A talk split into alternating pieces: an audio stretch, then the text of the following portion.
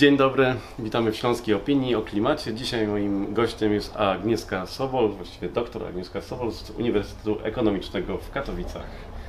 Dzień dobry, witam. I mam takie, e, na początek takie zdawałoby się chyba głupie pytanie, ale ja lubię zadawać głupie pytania, bo z nich są najciekawsze odpowiedzi. Czyja jest zieleń w mieście?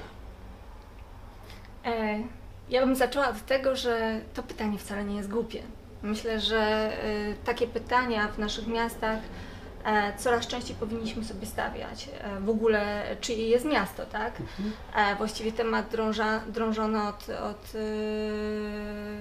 wielu lat, właściwie od, od czasów, jak miasta zaczęły powstawać. Natomiast no tutaj historycznie nie, nie wnikając w zagadnienie, myślę, że że pytania o to, czym są poszczególne zasoby, czyje są poszczególne zasoby w mieście, e, powinniśmy sobie zadawać my, mieszkańcy, władze lokalne, różni e, aktorzy w mieście. I e, to ważne pytanie e, ma jedną prostą odpowiedź. Ta, te zasoby, w tym zieleń w mieście jest e, nasza wspólna, jest nas e, wszystkich e, i wiążą się z tym e, różne kwestie zarówno po stronie praw, jak i obowiązków. E, Pytam o tym w prostym kontekście, bo no najczęściej rozmo- oburzenie mieszkańców pojawia się w momencie, kiedy na przykład drzewa albo jakiś skwer jest betonowany albo został sprzedany. E, No ale też e, brakuje często głosu mieszkańców w momencie, kiedy na przykład tworzone są plany zagospodarowania, tak? I jest okazja, żeby o te tereny zadbać. mhm.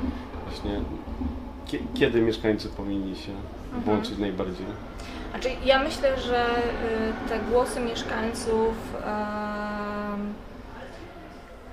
są jak najbardziej uzasadnione. Y, Oczywiście kwestią taką e, problematyczną jest, że, że te głosy podnoszone są zazwyczaj w sytuacjach konfliktowych, e, że mm, mieszkańcy jakby nie uprzedzają różnych negatywnych działań, e, które w kontekście zagospodarowania przestrzeni miejskiej się dzieją.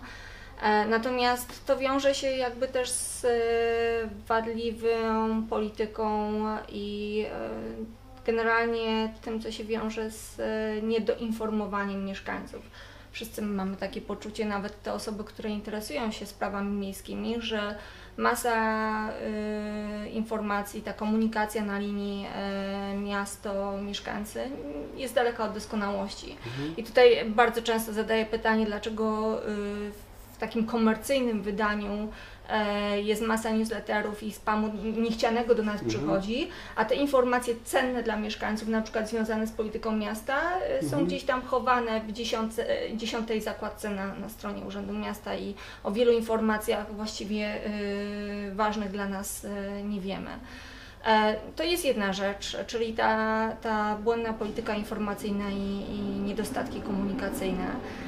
Mm, A druga rzecz to y, często się mówi o tym, że ci mieszkańcy są tacy y, roszczeniowi, krytykują to, co w mieście się dzieje, a z drugiej strony nic nie robią. Ja jestem ostatnią osobą, e, bo dużo współpracuję też z mieszkańcami, generalnie tą polityką miejską interesuję się od dawien dawna. E, Jestem ostatnią osobą od y, krytykowania mieszkańców i jakby y, kolokwialnie rzecz nazywając zwalania winy y, na nich, bo, bo tak na dobrą sprawę my nie jesteśmy nauczeni do tego, żeby się włączać e, w to, co w mieście się dzieje.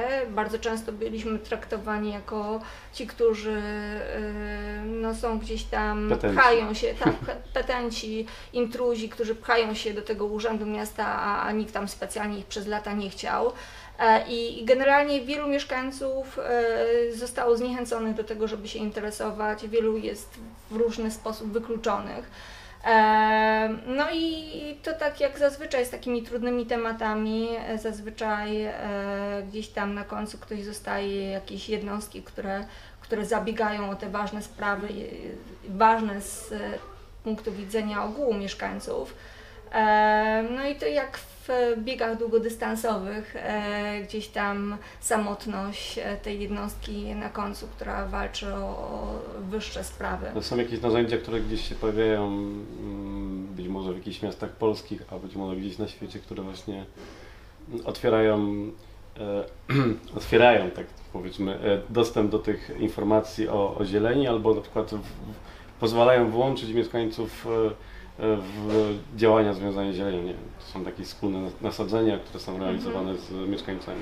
Znaczy generalnie jakby cały trend związany z e, wzrostem świadomości mieszkańców swoich praw, no, współczesne narzędzia, nowoczesne technologie umożliwiają nam lepszą komunikację między sobą i, i wiemy, że tych praw mamy więcej i jakby wymuszamy też e, ten efekt skali tutaj powoduje, że, że e, to uspołecznienie przybiera na znaczeniu i, ma większą skalę. Więc e, czasami w imię politycznej poprawności, czasami w imię marketingu politycznego e, wiele władz e, decyduje się, żeby różne inicjatywy takie oddolne wspierać, czy otwierać się w ogóle na współpracę z mieszkańcami. Oczywiście też narzędzia takie legislacyjne, i- czyli, czyli prawo, które nam umożliwia coraz szerszą, szersze konsultowanie różnych, różnych projektów. Czasami ten mieszkaniec przeciętny może być stroną, czasami to może być organizacja pozarządowa. E, Natomiast e, co do zasady, w większości to e, właśnie siła i ten efekt skali mieszkańców, którzy się dobijają i powodują, że, że jednak swoje możemy zrobić, a, a takich doświadczeń i praktyk międzynarodowych mamy mm, no, całkiem sporo. Właściwie tutaj od Amerykanów możemy się bardzo wiele nauczyć, od Skandynawów, a wracając jeszcze do, do tych Amerykanów, no to właściwie no, masę ogrodów, takich, o których my dzisiaj mówimy w Polsce, ogrodów społecznych, e, zostało tam już zapoczątkowanych właściwie gdzieś w latach 70.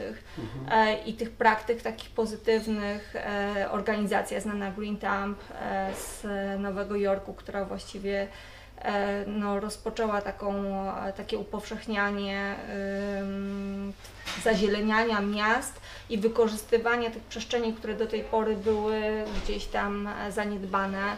E, Mówi się o takim recyklingu przestrzeni, e, gdzie mieszkańcy mogą wejść, e, stworzyć swoją zieloną enklawę. Te zielone enklawy raże mają ogromną wartość środowiskową, taką właśnie typowo zieloną, e, wspierającą bioróżnorodność i różne elementy te związane z tak zwaną e, mm, hydrą, meteorologią związaną z, z przeciwdziałaniem negatywnym zmianom klimatu, ale mają ogromny walor związany z budowaniem e, społeczności lokalnych i takich więzi e, międzyludzkich, e, no, tego, czego, to co myśmy zaniedbali przez wiele lat w naszych polskich miastach.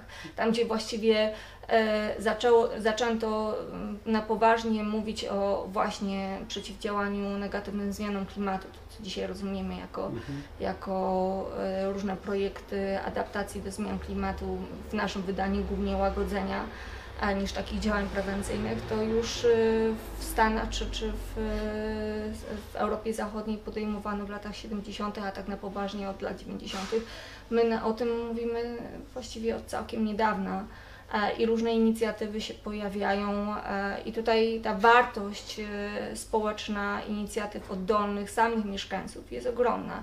E, Wydaje się właściwie, że gdyby nie, nie mieszkańcy, to e, wiele naszych miast byłoby o wiele bardziej zabetonowanych e, niż ma to miejsce dzisiaj. Czasem tak śmieję się, trochę, trochę jest śmiech oczywiście przez łzy, że gdyby Nowym Jorkiem zarządzał jakiś polski e, prezydent, to ten Central Park byłby bardzo mocno okrojony, no bo wartość e, nieruchomości, jaką e, jest e, park położony w centrum Manhattanu, jest tak ogromna w wymiarze takim ekonomicznym, że już dawno by to e, zabetonowali. I, I właściwie myślę, że gdyby nie głosy mieszkańców, e, to niestety te nasze miasta Cudowny byłyby- paradoks, że właśnie buduje się wokół parków i to jest, e, i, jak powiem ci, którzy sprzedają te działki, to wiedzą, że ta wartość tych działek jest wielka, a z drugiej strony rzadko kiedy tworzą nowe takie przestrzenie, które mogły podnosić wartość e, działek, nie? czyli nowe parki. Dokładnie.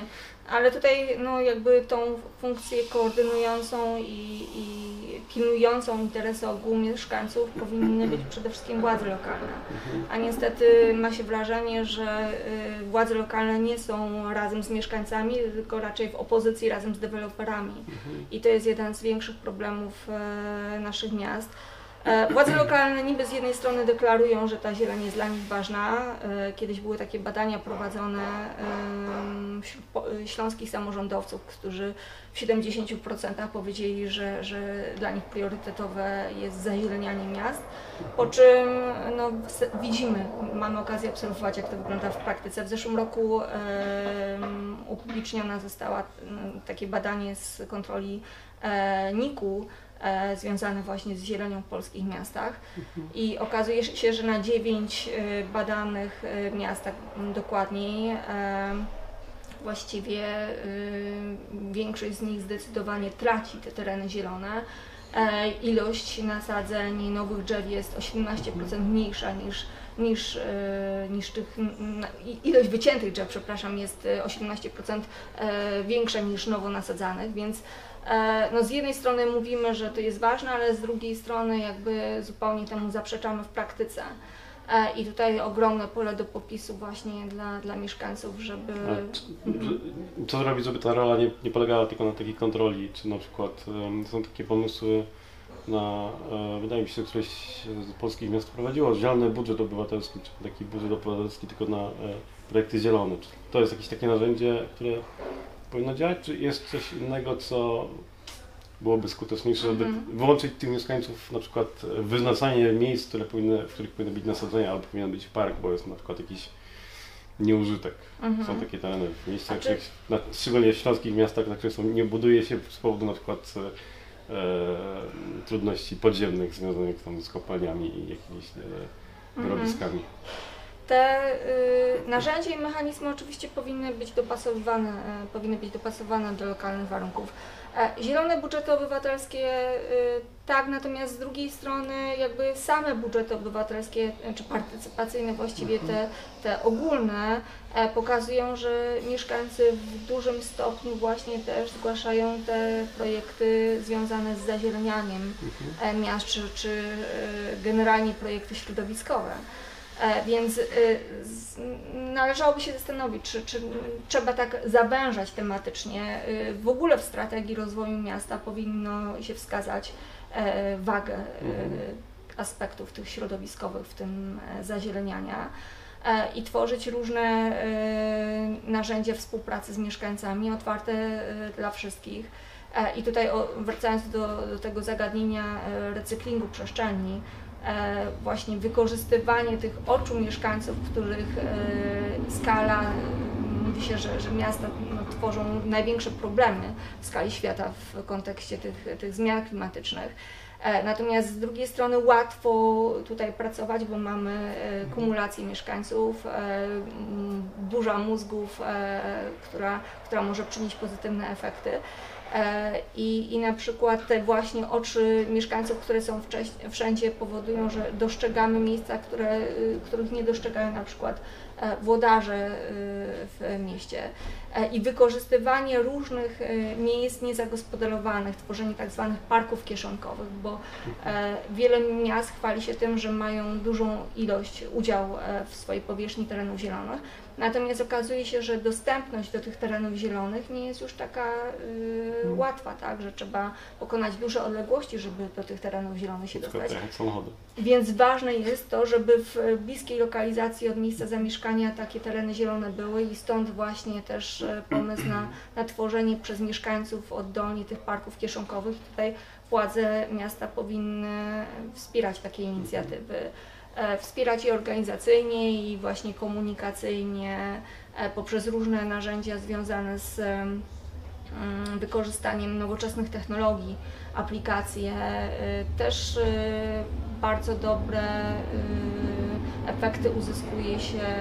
To oczywiście wymaga e, wielu kroków wcześniej, natomiast e, takie inicjatywy jak crowdfunding, czyli, Mhm. czyli zbiórki społecznościowe, czy narzędzia związane z e, grywalizacją, gdzie wykorzystujemy takie efekty gier e, do współpracy z mieszkańcami, między innymi po to, żeby e, w ciekawy, atrakcyjny sposób e, tworzyć te tereny zielone.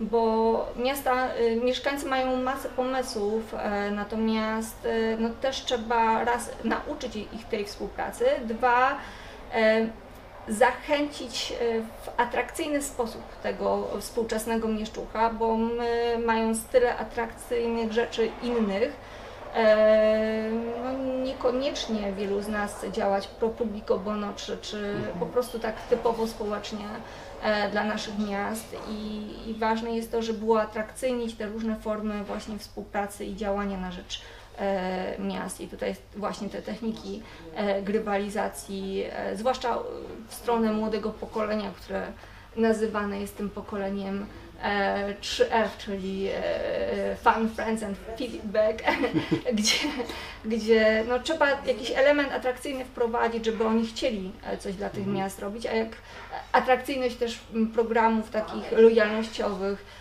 pokazuje, że lubimy tego typu różne zabawy, więc jeżeli będziemy mieli okazję punktować, jakieś nagrody jeszcze od miasta za różne inicjatywy dostawać, to, to będziemy chętni jakby dla tych e, miast e, i dla zieleni w mieście e, działać. A inicjatyw takich różnych e, mm, związanych z tym, żeby ta zieleń jeszcze była ciekawsza i jeszcze lepiej nam e, jeszcze większe korzyści związane z tą adaptacją do, do zmian e, klimatu przynosiła, jest, jest bardzo wiele.